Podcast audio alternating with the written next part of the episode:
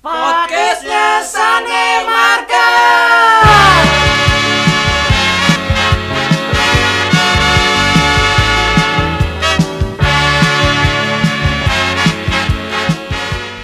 Happy Sunday, Peters GPIB Pasar Minggu kembali lagi di di mana ini podcastnya Sunday Market.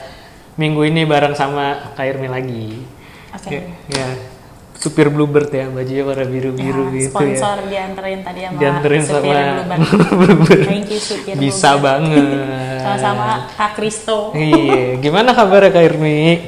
Ya ilah. gitu-gitu terus ya Baru seminggu. gitu-gitu Kemarin Enggak, baru Sama baru minggu lalu ketemu ya Kak. Gustaf ya kan. Minggu lalu sama Hmm. Kak Gustaf ya. Hmm. Keren. Aku nonton tuh aku zoom-zoom aja mukanya pada tuh berdua. parah kurang rambut warna-warni ya kemarin ya. Pipi cabi, gigi kelinci. betul Mukanya Kak itu kan pipi semua guys. terima kasih untuk karantina ini yang sudah membuat kami berdua terlihat ah sorry. ngezoom Saya memang begini dari dulu, dia saja yang berkembang.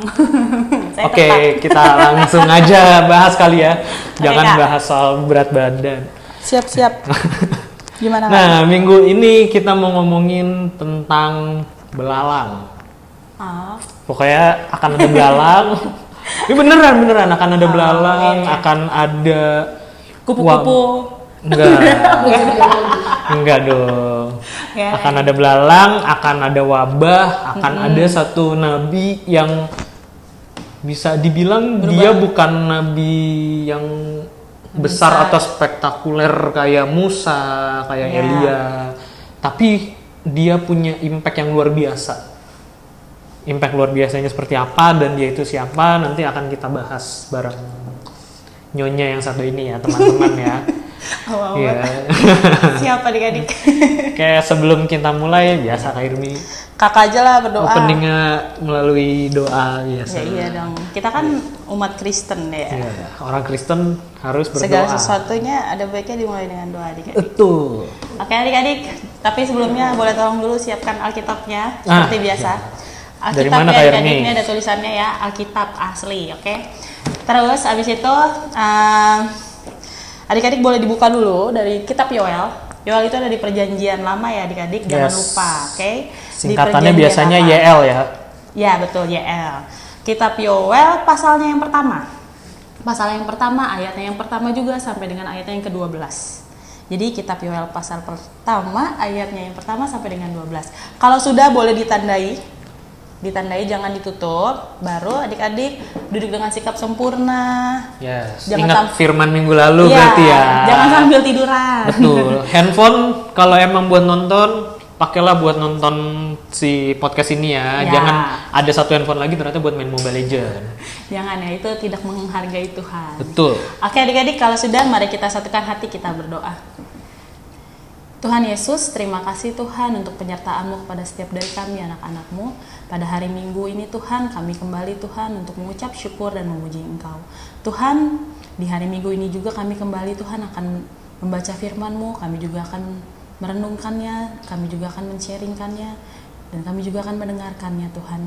Kiranya Tuhan boleh memberkati hati dan pikiran kami dengan roh kudus-Mu. Kami siapkan hati kami hanya untuk memuliakan namamu. Terima kasih Tuhan, inilah doa kami. Engkau sangat baik. Amin. Amin. Amin adik-adik. Oke Kaito, tadi kan kita Yes. udah persiapkan Alkitabnya nih. Mm. Kita juga sudah tandai adik-adik ya. Kita akan baca, bacanya secara berbalasan karena ini ada 12 ayat. Uh, Kairmi ayatnya yang pertama, Kak Kristo dan mungkin juga adik-adik boleh baca di rumah masing-masing. Ayat yang kedua secara berbalasan dengan Kairmi ya. Kayak Kak Irmi yang ganjil berarti ya. Iya betul. Oke adik-adik kita baca sama-sama. Firman Tuhan yang datang kepada Yoel bin Petuel. Dengarlah ini, hai para tua-tua, pasanglah telinga, hai seluruh penduduk negeri. Pernahkah terjadi seperti ini dalam zamanmu atau dalam zaman nenek moyangmu? Ceritakanlah tentang itu kepada anak-anakmu, dan biarlah anak-anakmu menceritakannya kepada anak-anak mereka, dan anak-anak mereka kepada angkatan yang kemudian. Apa yang ditinggalkan belalang pengerip telah dimakan belalang pindahan. Apa yang ditinggalkan belalang pindahan telah dimakan belalang pelompat. Dan apa yang ditinggalkan belalang pelompat telah dimakan belalang pelahap. Bangunlah, hai pemabuk, dan menangislah. Merataplah, hai semua peminum anggur karena anggur baru, sebab sudah dirampas dari mulutmu anggur itu. Sebab maju menyerang negeriku suatu bangsa yang kuat dan tidak terbilang banyaknya. Giginya bagaikan gigi singa, dan taringnya bagaikan taring singa betina. Telah dibuatnya pohon anggurku menjadi musnah, dan pohon araku menjadi buntung. Dikelupasnya kulitnya sama sekali, dan dilemparkannya, sehingga carang-carangnya menjadi putih. Merataplah seperti anak dara yang berlilitkan kain kabung karena mempelai kekasih masa mudanya. Korban sajian dan korban curahan sudah lenyap dari rumah Tuhan, dan berkabunglah para imam, yakni pelayan-pelayan Tuhan. Ladang sudah musnah, tanah berkabung, sebab gandum sudah musnah, buah anggur sudah kering, minyak sudah menipis. Para petani menjadi malu, tukang-tukang kebun anggur meratap karena gandum dan karena jelai, sebab sudah musnah panen ladang. Pohon anggur sudah kering dan pohon ara sudah merana. Pohon delima, juga pohon korma dan pohon apel, segala pohon di padang sudah mengering. Sungguh kegirangan Melayu dari antara anak-anak manusia. Ya, demikianlah firman Tuhan adik-adik. Ini Gimana? pasalnya lumayan serem sih kalau dibayangin ya. Ah, Jadi ini akan yang tadi udah aku bahas sedikit soal kita akan ngebahas soal belalang. ya, betul. Di mana di sini bangsa Israel berarti akhirnya merasakan terkena serbuan dari belalang ya. Sama seperti kalau dulu di mana Kak Irmi? di Mesir, Ya, itu tulah ya, itulah. dalam Jadi bentuk tulah. Adik-adik kita hari ini tadi Kak Ito sudah menyampaikan ya, kita Ya. akan bahas seorang nabi, nabi kecil. Nabi kecil tuh berarti apa ya? Followernya di bawah seribu, enggak ya? ya, kayak seorang nabi kecil yaitu Nabi Oke. Yoel sesuai tadi bacaannya kita akan bahas tentang Yoel Ya. Kak. Jadi kalau dari ceritanya siapa sih Yoel ini ya kan? Nah. Tadi dan di- sudah disampaikan seorang nabi. Kita mengingat kembali bahwa nabi itu adalah uh, seseorang yang diutus oleh Tuhan, Allah, ya. Tuhan Allah untuk menyampaikan pesan Allah kepada umatnya. Betul. Kalau pada saat itu kan kita bahas kalau nabi besarnya kan Nabi Musa, berarti Hmm. uh, Musa ini adalah pen- uh, tangannya Tuhan untuk bangsa Israel Betul. gitu kan. Nah, sekarang kita bahas tentang Nabi Yoel nih adik-adik. Nah, Nabi Yoel ini uh, di sini uh, di kitab Yoel yang pertama firman Tuhan yang datang kepada Yoel bin Petuel. Tidak dijelaskan secara rinci Ya. siapa orang tua dari Nabi Yoel. Di sini hanya dibilang bin Petuel, ya. Ya, Seperti itu ya adik-adik. Uh, Yoel bin Petuel. Lalu uh, Yoel ini pada saat itu uh, nabi yang apa ya yang berada pada zamannya juga Nabi Nehemia dan Nabi Ezra. Oke. Ya, itu Satu Kak. angkatan ya berarti Satu ya? angkatan. Nah, jadi Yoel ini diposisikan di kerajaan Yehuda, Kak. Hmm. Yang pada saat itu dipimpin oleh raja Yoas. Ya, Raja Yoas ya adik-adik. Raja Yoas di kerajaan Yehuda. Nah, Mm-mm. di situlah Nabi Yoel berada. Nah, setelah itu, uh, oh ya, kisah ini pada zaman Nabi Yoel, uh, bangsa Israel sudah mengalami pembuangan.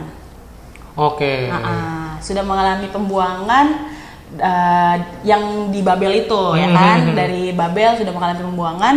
Terus apa sih tugasnya di sini uh, Nabi Yoel? Sama seperti nabi-nabi uh, nabi-nabi sebelumnya, termasuk Nabi Musa, menyampaikan pesan Tuhan kepada Bangsa bangsa. Israel. Tentunya masih bangsa yang sama, bangsa yang besar yaitu bangsa Israel untuk bertobat. Oke. Karena memang iya. bangsa ini adalah bangsa yang bebal.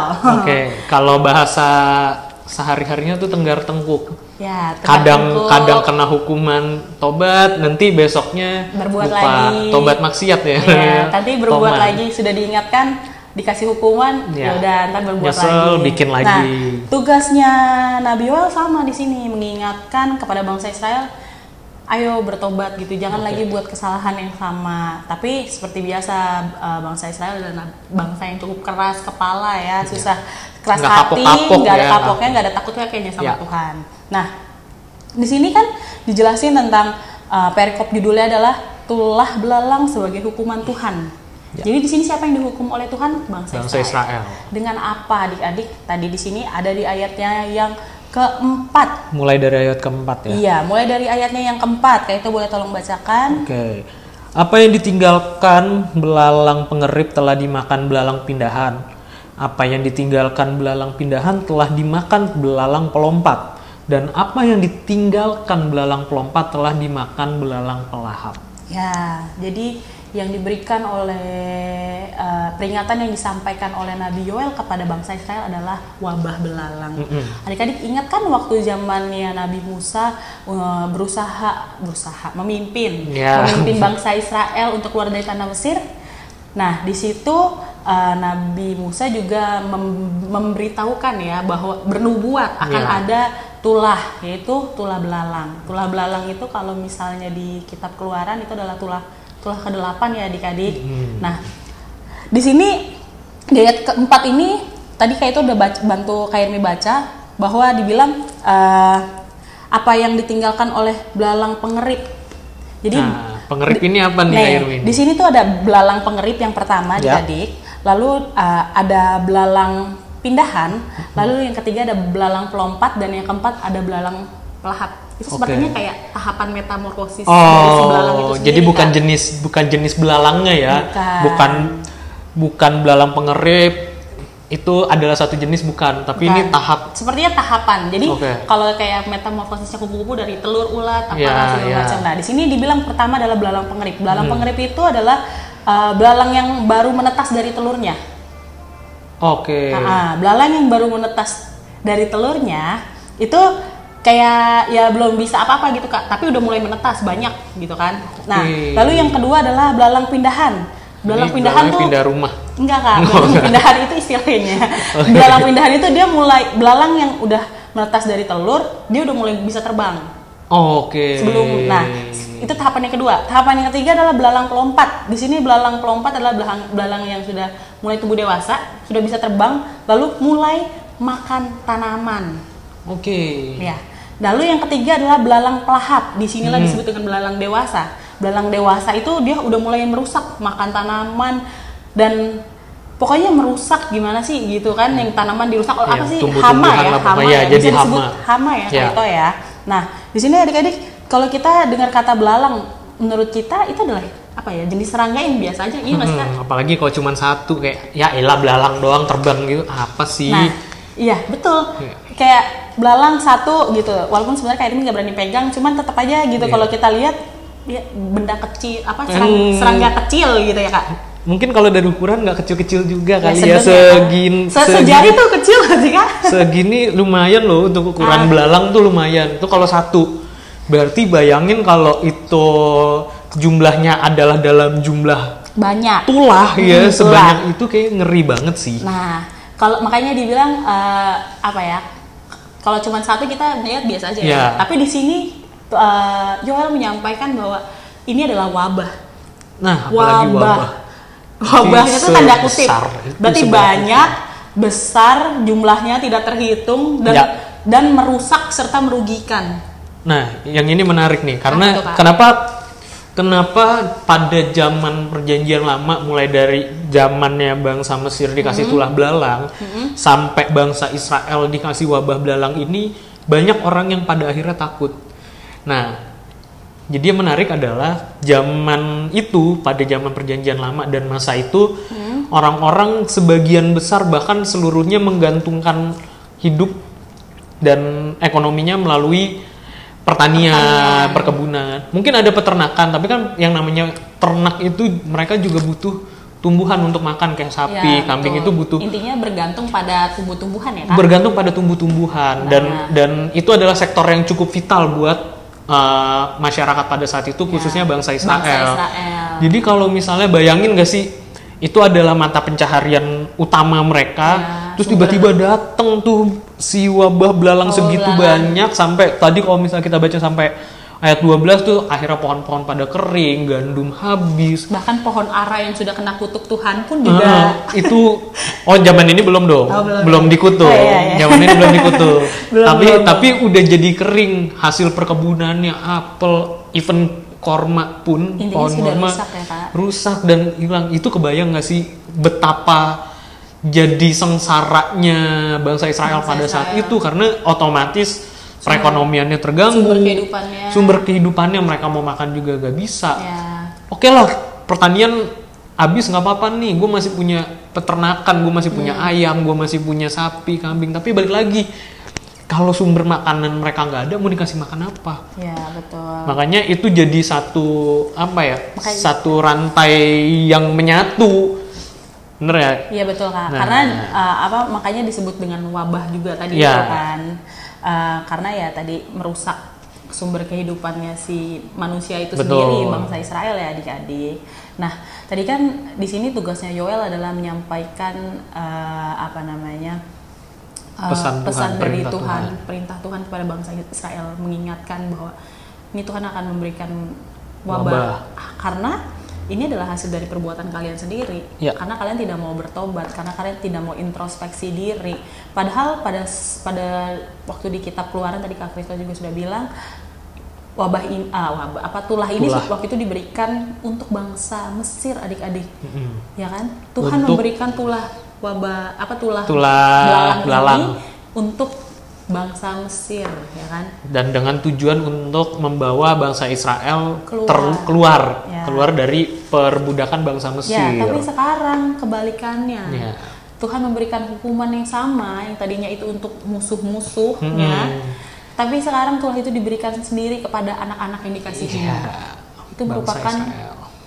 Suatu teguran yang cukup besar. Ya. jadi kayak hukuman Tuhan tuh berlaku buat siapa aja adik-adik Betul. untuk siapa pun. Siapa pun. Siapa saja. tanpa pandang bulu. Iya mau mau biar biar kata bahasa gue ya. Iya. biar biarpun Tuhan mengasihi kita tapi itu adalah salah satu bentuk kasih ya yang Tuhan mau tunjukin karena aku mengasihimu ayo dong berubah. Mm, nih. Melalui teguran Melalui ya jadi teguran. kalau kalau salah pasti akan ditegur sama Ya, Tuhan. Itu betul. bentuk bentuk kasihnya Tuhan kepada kita dan bangsa Israel mungkin pada saat itu Iya ya. betul Kak Kristo. Makanya diberilah si wabah belalang Mm-mm. ini jumlahnya ratusan sehingga merusak tadi kayak nggak cuman ratusan ribuan Mungkin, jutaan iya. miliaran entah berapa Ya, nggak jumlahnya. tahu ya, pokoknya jumlah, itu wabah ya. yang pasti merusak dan merugikan. Mm, dan pasti itu harusnya banyak banget. Iya betul dan itu ditakutin juga mungkin karena gini kali ya. Kalau sekarang kita ngomongin wabah belalang di masa sekarang itu orang nggak terlalu worry karena mungkin udah ada yang namanya pestisida dan obat-obatan untuk mengusir hama, Hama. lainnya.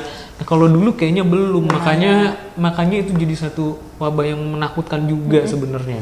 Ah, ah, terus dan maksudnya jangan salah adik-adik kemarin tuh Kak Reinhardt ya yang sempat memberikan Oh, contoh iya. artikel. Ternyata wabah belalang itu sampai detik ini tuh masih, Masih ada, ada. adik-adik dan di mungkin jumlahnya memang tidak sebanyak dulu kali ya. Hmm, Jadi bukan cuman cerita Alkitab doang tulah belalang itu, tidak adik-adik. Wabah belalang yang merusak uh, dan merugikan orang dan manusia itu masih, Iya, masih ada. sampai sekarang. Ya, jadi uh, kita uh, udah bahas nih kak tentang apa sih yang dilakukan oleh Nabi Yoel gitu kan tentang penyampaian uh, peringatan akan adanya wabah belalang Ya. ini kepada bangsa Israel gitu kan. Sekarang aplikasinya nih kak untuk adik-adik teruna dan untuk kita Oke. sebagai kakak layan dan teman-teman semua yang Hmm. menonton tentunya.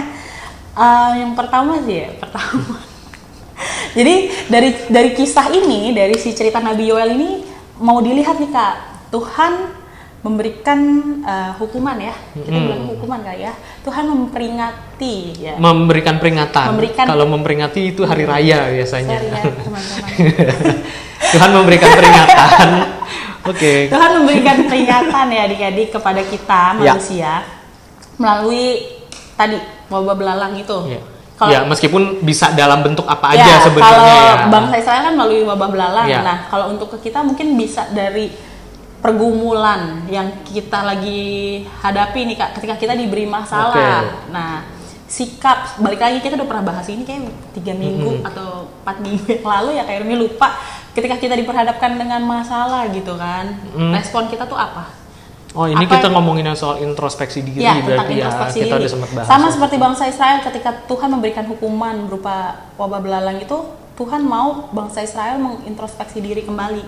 Nih, aku kasih kalian hukuman seperti ini. Kalian mau berubah nggak? Responnya, mau Responnya seperti apa? Apakah ketika dikasih hukuman, ya udah gitu. Ya udah hukum aja emang gue layak Iya, gitu. Jadi layak jadi gitu. sad boy sad girl gitu ya. Ya, Santuy. emang salahku ya. Emang aku santai yang aja Iya. gitu atau ketika dikasih hukuman oh iya ya ternyata aku salah ya Ya. tapi ketika kita introspeksi diri itu benar-benar menyatakan ya kita mau bertobat kita Ya. mau berubah kita mau mengakui benar-benar kesalahan kita Hmm. bukannya ketika udah introspeksi diri tapi malah oh ya udahlah kemarin udah diampuni ini Hmm, jangan sampai Dikit- introspeksi diri. dikit-dikit Ya. lah gitu Dikit-dikit Jangan ya. sampai introspeksi diri itu cuman kita tahu salah kita tapi kita tidak eh, berbalik lagi kepada Tuhan karena kan sebenarnya introspeksi diri yang dimauin sama Hmm. Yoel itu adalah bahkan kalau misalnya mana ya aku juga lupa tadi ayat oh kalau di SBT sorry. Kalau misalnya kita ngambil dari bahan bahan SBT Yoel tuh maunya bangsa Israel ketika mengetahui bahwa akan ada wabah sebesar itu which is itu wabah belalang bangsa Israel itu berbalik kepada Tuhan dengan bertobat dan meratap bahkan sampai meratap.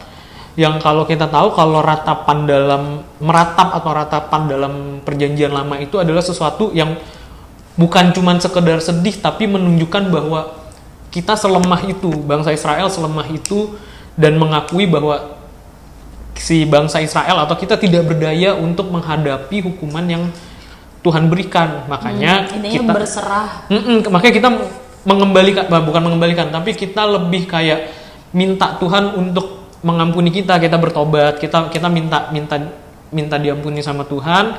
Kitanya bertobat berbalik lagi sama Tuhan sebenarnya maunya maunya seperti itu selain introspeksi ya kalau Ya. kalau si Yoel itu Nah, makanya ap- yang pertama itu yang mau disampaikan tadi itu Kak, ketika kita diperhadapkan dengan masalah atau dengan suatu pergumulan, Yap. respon kita sebagai anak teruna tuh apa? Yap. Respon kita sebagai seorang kakak layan ataupun teman-teman yang lagi nonton apa sih gitu? Hmm. Biasanya biasanya ya Kak, biasanya ketika ada orang yang aduh masalah masalah gue besar banget nih, ya udahlah gitu, akhirnya menyerah. Padahal harusnya di situ Tuhan, eh, padahal di situ maunya Tuhan adalah ya tadi kayak itu udah bilang berbaliklah. Berbalik justru cari Tuhan. Cari Tuhan berbaliklah ke saya mengakulah bertobatlah apa segala macam merataplah apa segala macam berserah. Tuh. nah eh, terus eh, yang kedua dari masalah itu kita belajar apa sih? Mm. ya kan? Apakah kita belajar bahwa ya itu cuman masalah biasa gitu ya kan ada orang yang biasanya menye- menyepelekan Ya. ya, suatu permasalahan Ah, nanti juga kelar didiemin juga kelar ada yang Iya, kayak gitu ya nggak gitu konsepnya Ya. adik-adik. At- a- atau ya kita sebagai apa ya namanya sebagai a- manusia ya sebagai manusia aja ya adik-adik ketika kita diperhadapkan dengan masalah eh, Tuhan mau tahu apa ya namanya kekuatan kita tuh sampai di mana sih kekuatan Apakah- dan respon kita juga Iya. pastinya ya kita kita butuh Tuhan atau enggak sih sebenarnya di kehidupan ini Hmm, hmm, ya kan? hmm, Ini bangsa Israel bisa nggak makan loh kalau misalnya Betul. dia nggak mau bertobat. bahkan bisa sampai mati sebenarnya Iyalah, bahkan mungkin orang sektor punah. perekonomian Iya. si tanaman tumbuhan itu udah benar-benar dihabisi sama Habis. belalang, dia mau ngapain lagi Betul. orang yang sedangkan yang sumber kehidupannya yang ngasih kehidupan ke tumbuhan itu juga Tuhan karena. Tuhan yang menciptakan. Betul. Nah, kalau kita manusia, kalau sekarang kan anggaplah kita nggak ditegur dengan wabah belalang, kita ditegur dengan hal-hal lain. Nah, kita Hmm. Responnya itu mau kayak gimana? Makanya dibilang introspeksi diri. Oke. Banyak orang yang ketika diperhadapkan dengan masalah ya gue nggak mau intro, apa tidak mau mengintrospeksi dirinya sendiri gue nggak Ya. gua nggak salah. Gue nggak salah orang itu yang begini. Ya. ya gue nggak salah orang. Ya udah emang begitu jalan Jadi- ceritanya jadi ya. denial ya. iya udah seperti itu ya kan? Nah jangan sampai adik-adik teruna punya respon negatif ya. Itu contoh respon negatif yang seharusnya tidak dilakukan Ya. adik-adik. Karena kalau kita sebagai anak-anak teruna yang mengenal Kristus. Anak-anak teruna yang rajin saat teduh anak-anak teruna adik-adik teruna teman-teman yang apa ya rajin berdoa dan dekat dengan Tuhan. Dekat sama Tuhan Se- se- sepertinya ya kak. Sepertinya dan seharusnya ketika kita diperhadapkan dengan masalah kita mau jadi anak-anak yang terbuka rendah hati yang mau menerima masalah itu dan kemudian kita mau bertobat gitu. Mau mau apa ya namanya? Mau mau memperbaiki. Ya memperbaiki diri Iya, pasti introspeksi. iya. tapi jangan lupa juga kalau kita punya masalah berarti kan ada hubungan kita yang tidak baik dengan Tuhan. Bisa jadi salah satunya itu. nah berarti itu juga yang harus diperbaiki hubungan kita dengan Tuhan. Atau bisa juga masalah itu sebenarnya Tuhan sengaja kasih itu untuk mau nge bukan ngetes, uji, Hmm. mau menguji kita seberapa besar kita mengandalkan Tuhan. Tuhan. Jadi jangan sampai karena oh ya udah gue ngerasa gue deket sama Tuhan, Hmm. terus ah nanti juga masalahnya kelar. Ya bagus kalau kita punya percaya seperti itu, tapi jangan sampai jadi seakan-akan kayak menyepelekan masalah. Justru ketika kita punya pergumulan, kita punya masalah, Tuhan maunya justru semakin kita juga untuk nyari Dia. iya betul Iya, jangan jangan sampai karena ah ya udah gue udah rajin ke gereja, gue baca Alkitab, gue rajin saat teduh setiap hari, that's enough gitu. Mm-mm, itu enough. Udah nggak gitu. Tapi ya mungkin Tuhan mau kita lebih menumbuhkan hubungan pribadi kita sama dia. Ya, lebih dekat lagi levelnya lebih tinggi lagi lah. Makanya semakin besar pergumulan justru seharusnya semakin besar juga keinginan kita untuk mencari dia. Ya betul.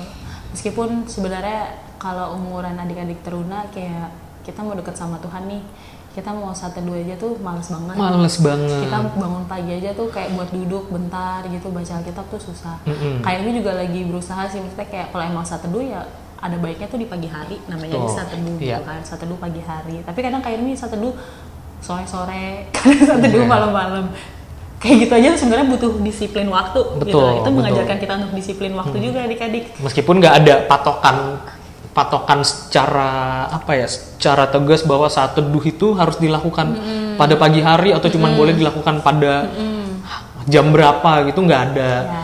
cuman ya at least kenapa pagi kayak ya kita masih fresh masih itu kita juga masih seger baru mau memulai segala sesuatu kegiatan Betul. kita awali dengan doa Ya. terus supaya Tuhan menyertai apa yang kita lakuin gitu. betul itu emang agak susah gitu cuman ya kalau adik-adik mau punya niat kali ya apa ya bahasanya harusnya punya ya punya niat dan kemauan ya pasti bisa Betul, lah betul. itu kenapa Kak Irmi sering nge-share saat teduh walaupun kadang Kak Irmi nge-share juga suka lupa Ya. sendiri gitu ya adik-adik maaf ya Hmm, Tapi mungkin gini kali ya, kalau Kak? kita ngomongin ke soal ngomongin wabah, Hmm. jadi pergumulan pergumulannya ini, let's say si wabah ini, dan saat teduh tadi, kayaknya contoh paling menarik adalah, ini kayaknya aku sering sering kali berulang-ulang ngomong ini, soal wabah COVID-19 ini. Hmm, COVID-19 itu juga, Ya. itu juga wabah ya kak Ya, dan kalau misalnya mau kita bukan cocokologi, tapi kalau misalnya mau kita samain cocokologi adik-adik Wah.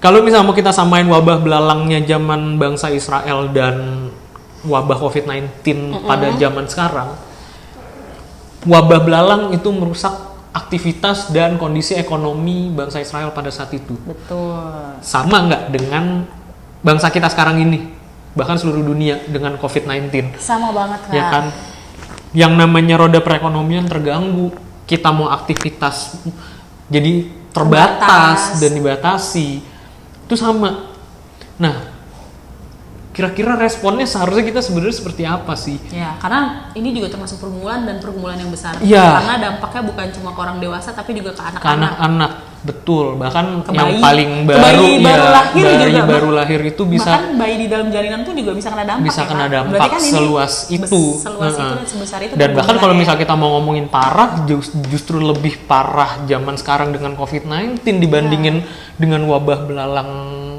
zaman bangsa Israel pada saat itu karena Ya. udah sampai merenggut nyawa bukan cuma perekonomian doang. bukan cuma tumbuhan doang yang terluka. Nah, tumbuhan mungkin tidak terluka dengan COVID-19, tapi langsung ke aspek si manusia Ya, yang betul. hidup gitu loh. Nah, kalau kita ngomongin responnya berarti mungkin seharusnya dengan adanya COVID-19 ini kita harus introspeksi. Ini sempat dibahas soal waktu podcastnya temanya introspeksi diri. Ya. Ketika kita menghadapi wabah COVID-19 ini berarti mungkin kitanya kurang menjaga kebersihan selama ini. Itu udah udah sering banget diubah eh dibahas, sorry. Terus kitanya mungkin jarang banget cuci tangan. Ada yang dulu pola hidupnya ya begitu pulang ya pulang cuman ganti baju tapi nggak cuci tangan, langsung tidur misalnya. Pulang sekolah makan ada gorengan langsung ambil nggak pakai cuci tangan. Nah, Ya kan, biasanya kan kayak gitu tuh, Cuma ada yang asal anak mager, Kak. Mm-mm, ada yang ada yang asal nyomot. Tim-tim rebahan itu. Betul. nah, berarti kan harusnya itu jadi introspeksi. Berarti Ya. mungkin dengan adanya COVID-19 ini ya gua harusnya bisa berubah untuk Berubah. punya pola hidup yang jauh lebih baik, lebih pola hidup yang jauh lebih sehat. Yang tadinya nggak pernah olahraga, akhirnya bisa olahraga ya. olahraga beneran bukan bukan e-sport ya, bukan e-sport, bukan Oke. olahraga. Kayak itu juga olahraga nggak? Kebetulan tidak. Karena Itu kalau- adik-adik sebenarnya kenapa saya tadi sampai mengotot. karena kalau kakak nggak bisa olahraga karena kan masih work from home dan sedang ada campaign saat ini. Jadi campaignnya tidak memungkinkan untuk berolahraga. Tapi at least dengan menjaga pola hidup sehat. Betul kak. dari mulai dari makannya kalau misalnya pergi misalnya syuting podcast kayak gini ya udah pulang tuh cuci kaki cuci tangan bahkan mandi supaya bersih gitu. Supaya bener-bener bener-bener rapi nah itu respon secara pola hidup nah kalau ngomongin dengan saat teduh dan lain-lain yang tadi Kak Irmi sampaikan ada juga hubungannya dengan adanya wabah COVID-19 ini otomatis kita jauh lebih banyak di rumah Waktunya juga banyak. waktunya jauh lebih banyak karena kita 24 jam Yang selama biasanya 7 tuh hari kita berapa jam ya? Kalau di sekolah tuh 8 jam ya. Ya kurang lebih 8 jam itu kalau sekolah lebih. doang ya di ya, luar 8 jam kita di luar rumah gitu kan, kita belajar, mikir, main apa segala Mm-mm. macam. Nah, sekarang nih dari pagi adik-adik nggak tahu ya kalau kalau sekolahnya benar-benar ada apa ya ketat Absen, ya, biasanya absen pagi, disiplin ya. ketat yang dari pagi Hmm. udah harus bangun terus ada tugas dulu ngerjain Hmm, hmm, hmm. ini tapi setidaknya setelah itu benar kata Kaito kita punya waktu lebih banyak adik-adik di rumah Hmm. bener kan sebelum memulai sebelum apalagi maksudnya apalagi kita di rumah Iya, aktivitasnya mau ngapain lagi? Paling kalau nggak nonton ya kan, makan, Maksudnya, tidur lagi. dan apa ya kita bisa lebih santai gitu nggak yes, sih waktunya juga Iya. lebih banyak, nggak keburu-buru. Makanya kalau kita ngomongin soal saat teduh tadi, kalau dulu aktivitas kita normal sebelum ada pandemi, kita selalu punya excuse bahwa nggak sempet nih heeh, Udah karena iya udah kesiangan. Terus adalah bangun kesiangan. Terus misalnya malam pun pas mau pul- pas udah pulang atau ini selalu ada aja yang Capek, ekskul capek, capek. pengen tidur dulu bentar rebahan capek. sebentar, toto udah pagi lagi. Iya. Nah itu itu excuse excuse excuse yang pada pada saat kita beraktivitas aktivitas normal, belum dirumahkan ya kan? Nah sekarang udah dirumahkan, harusnya tidak ada excuse kalian bangun kesiangan. Toh kalaupun bangun kesiangan, ya udah waktunya masih panjang Masih untuk banyak. kita saat teduh paling berapa lama sih? 24 jam loh di rumah Iya 24 jam di rumah. masa kita nggak punya waktu buat Betul. baca bentar Kita bisa nonton Netflix series ngeluangin waktu Parah satu series, let's say satu Sejam. episode itu sejam. Let's say ya. Kita punya waktu untuk nonton Netflix satu jam. Bahkan kalau emang gabut banget tuh bisa satu Satu series, season, satu satu season, season. satu season. Let's say 8 nih, 8 aja tuh udah 8, 8 jam. jam. Kita bisa bela- bela-belain untuk nonton itu. Hmm. Tapi tapi tapi kenapa kenapa untuk Tuhan yang let's say 15 menit sampai 20 menit itu sesusah itu gitu loh. Nah, ini mungkin dengan adanya wabah ini, wabah wabah COVID-19 ini juga ya salah satu bentuk apa ya? Salah satu bentuk caranya Tuhan untuk membuat kita semua ya balik lagi sama Tuhan. Mungkin tidak dalam dalam konteks meratap seperti dulu gitu yang bangsa Israel lakukan. Tapi at least dengan waktu yang jauh lebih fleksibel banyak. kita bisa memperbaiki hubungan kita sama Tuhan gitu. Iya, Mulai dari saat teduh. iya ini sebenarnya benar kata Kaito kita juga apa ya ini saat waktunya ya Mm-mm, waktunya untuk kita berbalik gitu loh kembali lagi sama Tuhan. mendekatkan diri Ya. lagi kalau kemarin banyak skipnya mungkin Nah, banyak skipnya, ini banyak momen- excuse-nya. ini momennya gitu Mm-mm. lu banyak waktu di rumah dari pagi tadi dibilang 24 jam bahkan mungkin anak SMP sekarang ya kan bisa begadang sampai jam 2 Bener, banyak jam 2 banget. pagi jam 3 Iya. pagi bahkan ikut sahur gitu kan Hmm, ikutan sahur. Berarti kan waktu kalian banyak ya adik-adik Hmm. ya itu kenapa Irmi juga berusaha untuk nge-share saat teduh tuh momennya kalau nggak pagi malam, Ya. kalau nggak pagi malam gitu adik-adik. At least sekarang ini bodoh amat mau waktunya kapan, tapi at least dalam satu hari itu Ada kalian waktu. melakukan saat teduh dan mengenal Tuhan kalian itu siapa gitu loh. ada waktu gitu buat Tuhan. Maksudnya kayak Tuhan ngasih kita waktu, masa kita nggak ngasih waktu kita Betul. buat Tuhan? Itu Betul. kan tidak baik ya adik-adik. Betul. Walaupun sebenarnya apa ya, Tuhan nggak pernah mengharapkan timbal balik nggak sih? Tuhan nggak pernah ngarep kita juga untuk Iya. lu wajib saat teduh gitu Iya, cuman ya lu manusia udah dikasih nafas kehidupan, nah udah, udah, diselamatkan sudah diberi kasih juga Iya. sama Tuhan responnya apa? Mm-mm. Itu aja sih adik-adik. Sama nih bangsa Israel juga seperti itu. Tuhan udah membebaskan, memba- memberikan apa maksudnya mengutus Mus, Nabi Musa, Mm. mengutus nabi, Banyak nabi ini, banyak nabi itu, untuk, memperingati, memperingat, memberi peringatan. Memberikan peringatan, memberi peringatan. Jadi ikutan kelibet. Memberi peringatan. Iya, untuk memberikan peringatan kepada bangsa Israel ya kan? Dengan berbagai cara Ya. gitu. Tuhan memberikan Berbagai 10 hukuman jenis juga. tulah ya. Ya. kan. Masa iya bangsa Israel nggak ada takutnya, nggak ada kapoknya. Bahkan sampai udah pada kepemimpinannya bangsa Yoel eh bangsa Yoel. Nabi Yo, Nabi Yoel ya kan adik-adik yang di kerajaan Yehuda Ya. ini ya kan. Tapi masih juga ternyata ba- bangsa Israel adalah bangsa yang sama, tidak berubah. ya Apakah kita- kembali pada dosa lama apakah kita akan seperti ya. Bangsa Israel yang tidak berubah gitu Ya, kan? yang hari ini minta maaf, Besok tobat, lakuin lagi. eh seminggu kemudian Enggak ada seminggu lagi. sedetik. ya, Sedetik kemudian Tuhan minta ampun ya, iya oke ya, gitu. nanti nggak lama tiba-tiba ngelakuin Aduh, lagi ya tertarik jangan nih, jangan kan. sampai kayak gitu apakah apakah mesti nunggu Tuhan bener-bener kasih wabah atau bencana yang luar biasa Nah, kah? itu berarti sampai udah Tuhan udah murka semurka itu Iya, berarti. apakah harus ada air bah kedua meskipun Nah. Tuhan udah berjanji tidak akan melakukan itu. Cuman Iya. maksudnya apakah Tuhan harus memberikan hukuman yang sebesar itu dulu, semenyeramkan itu dulu baru kita benar-benar bisa Ya. bertobat ya. Kalau bisa jangan ya jangan. Ya. Kalau emang bisa mulai dari diri sendiri untuk berubah, bertobat dan dekat sama Tuhan, ya kenapa nggak melakukan Ya. itu sih gitu loh. Ya intinya juga tadi kayak itu udah nyam- menyampaikan bahwa si pandemik COVID-19 itu Ya. si apa bahasa Indonesia ya corona Corona. si Coronavirus. corona, Coronavirus. coronavirus ini Coronavirus. uh, ada maksud Tuhan di Ya. balik ini semua Ya. supaya manusia mau introspeksi diri supaya manusia mau berubah dan menjaga dirinya sendiri ya kan jaga kebersihan buat dirinya sendiri Betul. gitu kan Yang tadi kayak Tau juga bilang kan dan belajar juga taat sama peraturan pemerintah Ya. karena ketika kita tidak tak sama manusia aja kita nggak taat gimana kita mau ke Tuhan karena jujur aku lagi sedikit kesal kalau misalnya teman-teman sempat lihat di sosial media bahwa eh, udah mulai terjadi keramaian jalanan udah mulai Hmm. macet bahkan ada salah satu mall di daerah Ciledug dibuka dan orang-orang sebanyak itu masuk maksudnya kayak nggak pernah masuk mall ya kayak kayak nggak pernah masuk mall maksudnya come on ini kita lagi dalam situasi yang bisa dibilang cukup berbahaya dan Iya. kritis karena Dan semua orang juga berusaha Iya, kalau- menjaga dirinya sendiri, Betul. menjaga egonya. ya kalau misal kita ngomongin bosen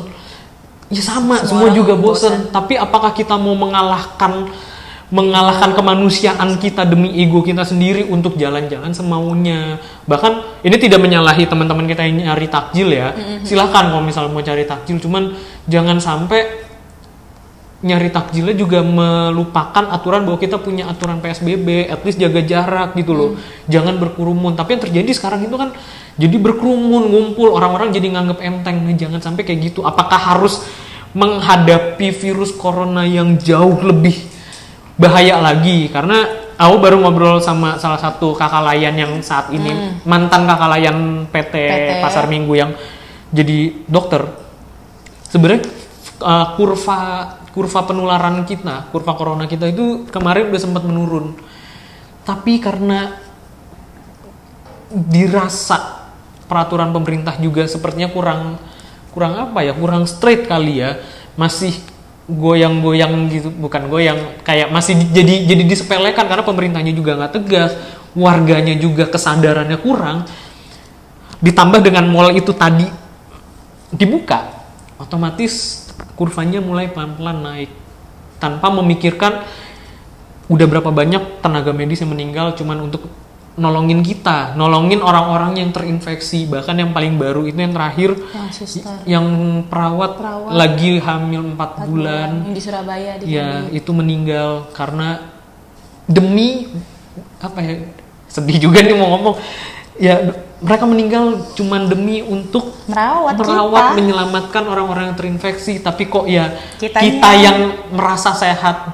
Ya kita yang merasa baik-baik aja terus kok ya jadi nggak tahu diri ya dalam tanda kutip terus menyepelekan orang-orang yang udah gugur berjuang di sana ya jangan ya harapannya adik-adik teruna kita juga tidak seperti itu ya jangan sampai ya kalian kalau memang tidak butuh-butuh banget keluar, jangan sampai kalian keluar rumah. Ya udah diam aja di rumah gitu. Tahanlah ego kalian Heeh. sedikit. Toh contoh Vietnam aja dalam beberapa minggu nggak nyampe nggak nyampe selama Indonesia udah nol gitu loh. Karena rakyatnya taat, mereka taat. Dibilang karantina, karantina udah selesai gitu loh. Nurut sama pemerintahnya. Nah di Indonesia tidak belum bisa terjadi seperti itu. Itulah kenapa makanya dibilang kita harus introspeksi diri ya Yes. Kak. Seperti itu adik-adik. Sebenarnya banyak kalau kita mau bahas Benar. introspeksi diri ya kak. Contohnya Tapi banyak. Contohnya banyak banget termasuk dari pergumulan atau masalah dari COVID-19 ini Ya. sendiri. Tapi kita udah dikasih contoh oleh dari Alkitab tentang Nabi Yoel gimana Ya. Yoel menyampaikan tentang wabah belalang. Terus bangsa Israel mau introspeksi atau tidak seperti Ya. itu.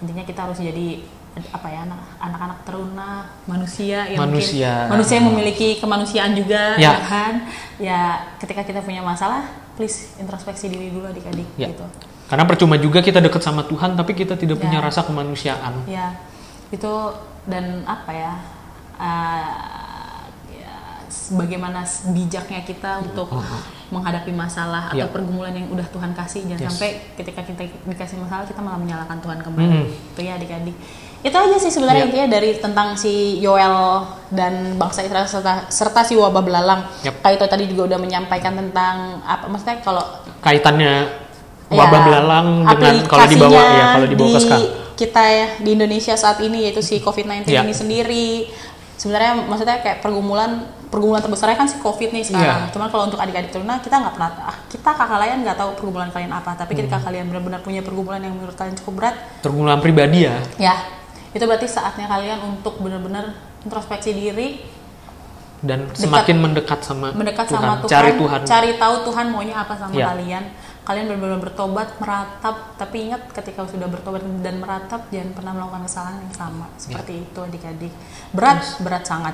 Tapi kalau kita punya niat dan benar-benar mau mencari tahu apa yang Tuhan mau dari kita, pasti Tuhan kasih juga jalannya, dimampukan. dimampukan juga. Karena Tuhan Seperti tidak itu. mungkin mengizinkan tanpa memampukan. Dan Iya. percayalah pencobaan-pencobaan yang kita alami tidak pernah melebihi kekuatan kita Ya. sendiri. Itu kenapa tema tema SBT-nya adik-adik di tanggal 24 Mei ini yaitu sikap orang percaya menghadapi pergumulan. Yes. Kita orang percaya, orang Kristi Kristian. Kri- Christian. We are Christian. Kita adalah ya, kita, Kita- di, ya. diselamatin ya. We are Christian. Kita, Kita orang Kristen. adalah orang Kristen yang percaya. Ya, sama Tuhan Yesus Ya, otomatis. betul. Nah, gimana sikap kita sebagai orang Kristen yang percaya ketika diperhadapkan dengan masalah? Sekian. Masalah atau pergumulan. Itu kayak itu itu aja yang aku sampaikan tentang si Yoel, tentang si Yoel, Iya. tentang Nabi Yoel. Tentang Nabi Yoel dan bangsa Israel. Kayaknya tidak sopan sekali. Iya. Jadi intinya semoga firmannya bener-bener boleh ngena buat adik-adik Ya, betul. dan nggak jangan cuman didengar tapi dilakukan. Dilakukan Nah, dalam kehidupan sehari-hari. Betul dan buat teman-teman yang mungkin selama ini saat teduhnya belum berjalan, even udah dikasih saat teduh materinya sama Kak Irmi, tapi tidak dilakukan juga, cobalah untuk belajar merendahkan diri, untuk kalian cari lagi Tuhan, kenal Tuhan kalian itu siapa. Karena kita nggak ada yang tahu nih waktu kita sampai kapan di dunia ini. Kalau kita nggak mulai dari sekarang, terus tiba-tiba Tuhan udah ambil, panggil kita kembali, tanpa kita udah mengenal dia mau ya mau jadi apa apakah kita bisa disebut sebagai orang-orang yang diselamatkan sementara kita aja nggak kenal siapa penyelamat kita Ya. jangan sampai kayak gitu ya Ya nih kayak itu lagi bicara sama dirinya sendiri. Nggak apa-apa dik. ya terima kasih Kak karena aku percaya bahwa aku adalah orang-orang yang diselamatkan karena Amin. sudah berbalik kepada Tuhan dan kenal siapa Tuhan Kayak itu pertahankan pasti. kita semua pendosa kita semua pendosa Ya, tenang aja justru orang nah berdosa baik. mm, orang paling berdosa adalah orang yang paling disayang sama Tuhan Ya, betul. karena itu adalah orang yang Tuhan rindukan untuk kembali ya, yuk itu kita berdoa yuk. Iya, karena kayak ini mancing terus jadi itu Sudah, pengen sudah ya adik-adik. pengen Ya. terus, apa Lepas lagi? Ya. Kayak itu. Itu kayak lagi PSBB. Ya udah tampol. Aduh sakit. ya. Oke, silakan Kak Irmi tutup Kalau nggak dalam mau doa kak, Hmm? nggak mau doa. kangen ya Jangan, ntar minggu depan ya minggu depannya Oke adik-adik, demikian firman Tuhan pada hari ini. Jadilah pelaku firman Tuhan dalam kehidupan kalian masing-masing. Mari kita Ya. satukan hati, kita tutup sharing firman kita pada hari Minggu ini. Tuhan terima kasih untuk penyertaan-Mu Tuhan pada setiap dari kami anak-anak-Mu. Terima kasih Tuhan untuk firman-Mu pada hari ini. Biarlah kami Tuhan menjadi anak-anak teruna yang selalu mau uh, men- mengintrospeksi diri kami masing-masing ketika kami diperhadapkan dengan masalah. Mampukan mampukan kami Tuhan untuk melewati setiap masalah ataupun pergumulan yang akan kami hadapi Tuhan ataupun yang sedang kami hadapi.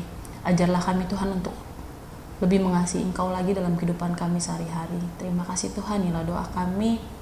Berkatilah juga bangsa kami, Tuhan, bangsa Indonesia yang saat ini sedang sedang dan masih menghadapi wabah atau pan- pandemik dari COVID-19 ini, Tuhan. Pulihkan bangsa kami, pulihkan negeri kami. Terima kasih Tuhan, inilah doa kami, Engkau sangat baik. Amin. Amin. Oke, sebelum kita tutup ada warta PT nggak Kak Yurmi?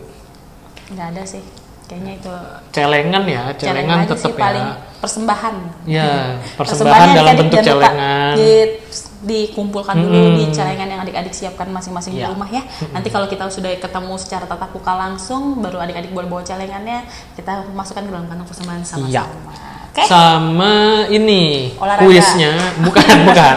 Kuisnya. kuisnya kali ini kayaknya biar Beda kak, nggak- kita nggak ya, kuisnya nggak pakai nggak pakai Google Form lagi kayak Google kemarin. Docs, ya. Iya, Google Docs, sorry. Ya Google Form bener. Apalah itu. Nah, kita akan bikin dalam bentuk template yang eh, template untuk kalian post di Instagram kalian. Template-nya seperti apa? Nanti in- in- Instruksi. instruksinya susah banget ngomong instruksi. Instruktur. Instruksi, instruktur. instruksinya tidak penting ya. Instruksinya nanti akan disampaikan melalui grup WhatsApp ya. grup WhatsApp dan pantengin Instagramnya Pelkat PT GPB Pasar Minggu di situ juga Yes. nanti Kak itu akan buat sama Kak Rahel sama timnya lah pokoknya ya Iya. Kito and Friends. Kita akan bikin template. template nanti pertanyaannya apa nanti akan di share di grup. Kakak lain PT boleh ikutan nggak kak? Boleh dong. Asik. Harus. Pokoknya hadiahnya semenarik itu ya. Kemarin apa? Oh kakak mau nyumbang hadiah? Wah, terima kasih Tuhan Kak itu akhirnya berubah. Power Ranger. Udah, Dah, oke. Oke adik-adik. Ah, terima kasih karena kalian sudah meluangkan waktu kalian untuk Ya. mendengarkan firman ini. Terima kasih Ya, juga buat Kak Irmi buat Kak. sharing firmannya. Nanti ditransfer aja ya. Siap. Oke. Saya juga tidak dibayar di sini kebetulan. Oke, akhir kata terima kasih sudah mendengarkan podcast ini, sudah nonton podcast ini. Happy Sunday and God bless you. all. Selamat hari Minggu. Dadah. Bye.